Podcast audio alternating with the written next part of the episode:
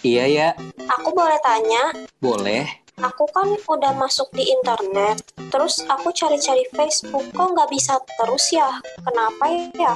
Gini ya, kamu di depan kata Facebook udah diketik www belum? Belum? Emangnya mesti ditulis? Ya mesti dong ya. Emang apa sih www itu? Hmm, kasih tahu nggak ya? Kalau nggak salah, itu singkatan dari Wassalamualaikum warahmatullahi wabarakatuh. Oh, gitu Dilan. Jadi harus salam dulu ya ternyata.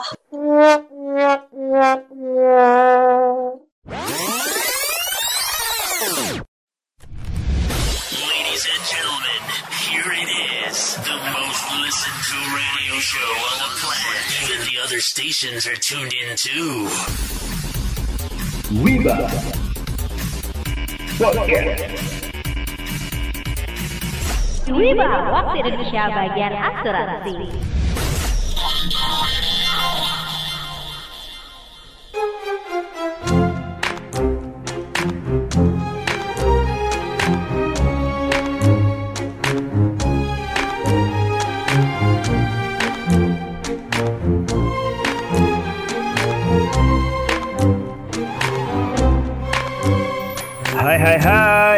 Hola Wiba Hola, hola. Balik lagi di Wiba, waktu Indonesia bagian asuransi. Yuhuy, ngobrolin asuransi secara ringan tapi berbobot. Nah, kali ini kita ada di podcast Wiba Bukan Gibah episode ke 45. Yeay 45 Nah Wibers episode Wiba terbaru rilis setiap hari Sabtu jam 17.30 waktu Indonesia Barat Dan tentunya kamu bisa dengerin di mana aja dan kapan aja Bener banget Wibers. Dan kamu bisa dengerin Wiba Podcast melalui platform Spotify, Anchor, dan juga Apple Podcast. Oh iya nih Wibers, pastiin ya kamu dengerin podcast ini sampai selesai biar info yang kamu dapetin lebih lengkap dan jangan lupa untuk share dengan keluarga atau teman kamu ya. Satu lagi Wibers, jangan lupa untuk follow, like, dan komen akun Instagram kami at wiba.podcast. Nah teman-teman hari ini tahu nggak sih hari apa? Hari Sabtu. Iya bener hari Sabtu tanggal 1 Mei 2021 Tapi tahu nggak sih hari ini itu kita memperingati apa? Hmm, apa ya? Aku nggak tahu. Tahu dong, setiap 1 Mei itu kita memperingati Hari Buruh Internasional. Nah bener hari buruh internasional Tapi ada yang tahu nggak sih sejarah hari buruh itu seperti apa? Nah, jadi gini nih ceritanya guys. Masyarakat dunia kan memperingati Hari Buruh Internasional pada tanggal 1 Mei setiap tahunnya. Di banyak negara ya, setiap hari buruh itu diperingati dan akan menjadi hari libur nasional termasuk di Indonesia. Bener banget Mbak Tias. Dan menurut situs history.com, perayaan 1 Mei ini sebenarnya telah dilakukan sejak ribuan tahun yang lalu. Akan tetapi, Hari Buruh sebenarnya ditandai ketika terjadi demonstrasi besar-besaran pada abad ke-19 yang disebut juga dengan kericuhan Haymarket. Nah, pada tanggal 1 Mei 1886, setidaknya 300 ribu pekerja melakukan aksi demonstrasi dan mogok kerja untuk menuntut hak-hak para pekerja. Di dalam demonstrasi ini, para buruh menyuarakan tentang hak-hak pekerja di Amerika Serikat yang pada saat itu kondisi kerjanya sangat tidak manusiawi nih teman-teman. Mulai dari jam kerja yang begitu panjang dan juga kondisi kerja yang sangat tidak aman. Ini juga tercantum dalam laman Industrial Workers of the World. Nah, untuk informasi aja nih teman-teman, saat itu kematian dan kecelakaan kerja merupakan hal yang dianggap biasa dan sepele oleh pemberi kerja. Kemudian, pada tahun 1889, Kongres luar biasa diadakan di kota Paris. Sampai akhirnya, peringatan Hari Buruh resmi diakui dan dirayakan setiap tahunnya, dimulai pada tahun 1891. Sekaligus menandai demonstrasi Haymarket tadi. Gitu teman-teman. Oh, gitu, Mas. Terus-terus gimana dengan kondisi buruh di negara kita di Indonesia? Sebenarnya sih nggak jauh beda dengan buruh Amerika dan Eropa pada saat itu ya. Pekerja di Indonesia juga harus bekerja. Itu lama banget sih, hampir uh, 19 sampai 20 jam per hari. Dan mereka itu hanya diberikan waktu istirahat selama 4 jam aja. Kebayang nggak sih kayak gimana? Para pekerja ini akhirnya menuntut hak mereka dengan meminta pengurangan jam kerja dan juga perbaikan upah. Dan tahu nggak sih viewers ya, dulu hari buruh ini sempat dilarang loh perayaan di Indonesia, sampai akhirnya diperbolehkan hingga dijadikan hari libur nasional seperti saat ini. Pada masa pemerintahan Orde Baru, hari buruh diidentikan oleh pemerintah dengan ideologi kiri yang saat itu sangat dilarang banget di keberadaannya. Karenanya, hari buruh pada 1 Mei di era ini sempat ditiadakan. Kemudian pada era reformasi, buruh dan juga mahasiswa itu pada turun ke jalan untuk menuntut agar 1 Mei itu kembali dijadikan hari buruh dan juga hari libur nasional. Hingga akhirnya pada era kepemimpinan Presiden SBY, perjuangan para buruh dan mahasiswa akhirnya membuahkan hasil nih. BPJS Kesehatan dan juga BPJS Ketenagakerjaan diberikan pada buruh serta pada tanggal 1 Mei kembali dijadikan hari libur nasional pada tahun 2013. Gitu ceritanya.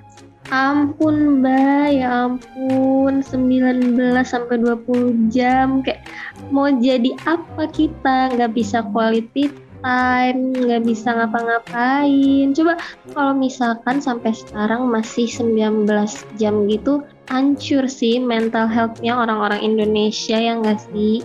Udah nggak ada waktu buat ini lagi ya, buat keluarga ya jadinya ya. Pulang kantor udah malam, pergi kantor pagi, terus sampai di rumah buat tidur doang gitu. Iya, kalau 20 jam eh, 20 jam kerja itu mandinya kapan ya sama berangkat kerjanya? Mandi di kantor, Kip. Coba kalau kayak gitu aku nggak mandi mas. Gak mandi mandi. Tacap aja gitu ya, tacap biar gak pucet ya. itu cuman beleknya doang yang dihilangin terus gosok gigi atau gundar gigi gitu udah langsung ke kantor gitu. Eh tapi tapi aku pengen tanya lagi. Sebenarnya apa sih buruh itu? Karena aku look jawabannya itu masih simpang siur banyak banget. Nah, kita bahas dulu nih definisi dari buruh itu sendiri ya. Dalam Undang-Undang Nomor 13 Tahun 2003 tentang Ketenaga Kerjaan, pekerja atau buruh adalah setiap orang yang bekerja dengan menerima upah atau imbalan dalam bentuk lain. Nah, dalam undang-undang ini, makna buruh sebenarnya mempunyai arti yang lebih luas, teman-teman. Dan tidak hanya terbatas pada para pekerja yang berada di pabrik-pabrik aja nih. Contohnya, profesi seperti dokter, guru, bahkan pekerja kantor kayak kita sekalipun itu masuk dalam kategori buruh. Jadi, gerakan buruh itu tidak dimaknai secara sempit aja hanya untuk pekerja-pekerja pabrik aja, tapi seluruh yang eh, seperti kayak dokter tadi, guru, bahkan karyawan-karyawan kantor itu juga bisa melakukan gerakan buruh tadi, teman-teman. Alah gitu pengertiannya seorang buruh. Berarti kalau dari pengertian itu aku kan diupah sama kantorku. Tandanya aku pun buruh, guys. Kayak kita kita buruh semua. Iya, bener. Kita itu buruh. Baru ku sadari ternyata aku seorang buruh. Selama ini aku pikir hanya di pabrik-pabrik aja. Berarti aku pun boleh ya merayakan May Day ini. May Day is my day too. It's our day. Iya, bener, bener banget Dede. Terus terus apa aja yang diperjuangkan kalau di hari buruh ini, Wo? Oke, jadi sebenarnya yang diperjuangkan di hari buruh ini ada empat hal sebenarnya Dede ya. Yang pertama itu adalah pengakuan kesetaraan derajat buruh dalam memperoleh hak sesuai amanat Undang-Undang Dasar 1945. Nih kita lihat ya di dalam pasal 27 ayat 2 di Undang-Undang Dasar 45 itu jelas banget disebutin. Tiap-tiap warga negara berhak atas pekerjaan dan penghidupan yang layak bagi kemanusiaan. Nah, dalam pasal ini nih udah jadi tugas negara nih untuk menjamin bahwa setiap warga itu berhak atas pekerjaan yang layak serta penghidupan yang sesuai. Itu yang pertama. Yang kedua, adalah fasilitas dan kepastian jam kerja yang didapatkan. Kalau dilihat dari bagaimana sejarah 1 Mei menjadi aksi Hari Buruh pada tahun 1886, di mana terjadi demonstrasi untuk memprotes kebijakan pekerja 20 jam sehari menjadi 8 jam sehari. Hal ini akhirnya membuat kebijakan 5 hari kerja dalam aturan sehari adalah 8 jam bekerja. Dari hal ini, udah selayaknya nih penegakan aturan tentang jam kerja menjadi fokus bagi berbagai perusahaan. Selain itu, adanya peningkatan fasilitas yang menunjang kesehatan bagi buruh itu juga menjadi perhatian. Yang ketiga, ada keamanan dan keselamatan dalam bekerja. Keamanan dalam hal ini tentu kaitannya dengan bagaimana perusahaan mengutamakan kesehatan dan keselamatan karyawannya. Ini bisa kita lihat bagaimana sih komitmen dari aturan perusahaan dalam memberikan keamanan dasar bagi karyawan. Ini juga bisa dilihat nih dari beberapa hal apakah perusahaan para buruh bekerja sudah menetapkan alat pelindung diri atau APD yang sesuai dengan bidang kerjanya atau memberikan pelatihan mengenai keselamatan kerja secara yang cukup. Lalu ada lagi yang keempat. Apa itu? Yang keempat adalah penghargaan atas kerja keras buruh. Nah, ini nih menjadi titik krusial bagi para buruh karena akan mengacu pertanyaan-pertanyaan seperti apa penghargaan yang bakal diterima. Sebagian besar waktu dan tenaga yang mereka korbankan tentunya ingin mereka nikmati tidak hanya untuk saat ini, tapi juga nanti di hari tua. Gitu loh, Dede. Oh, gitu. Jadi sebenarnya ketika pemberi kerja memberikan fasilitas asuransi kepada karyawan secara layak, sedikitnya telah melakukan apa yang diperjuangkan di hari buruh seperti keselamatan, kesehatan, dan kesetaraan dalam bekerja itu ya, Wo?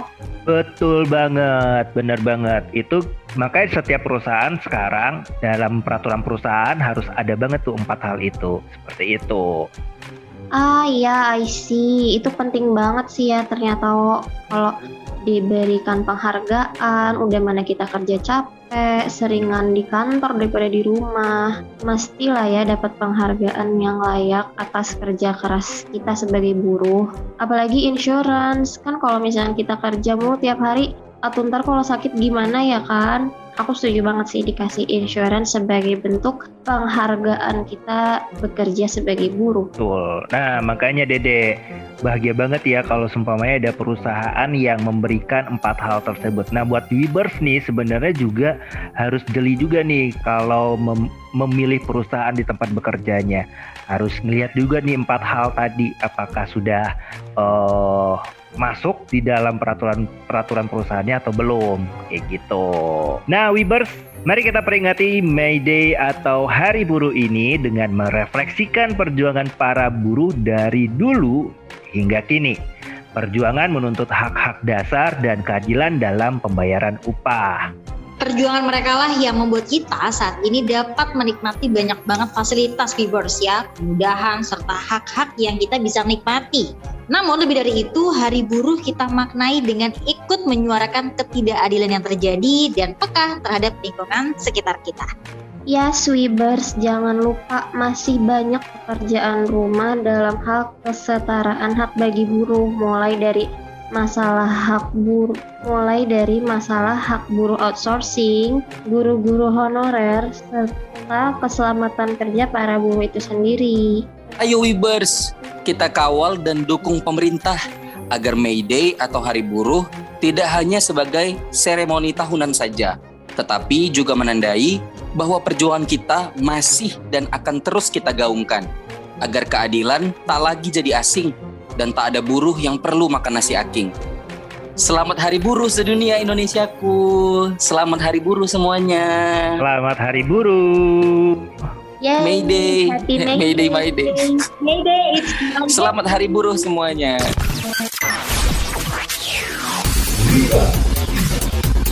Podcast.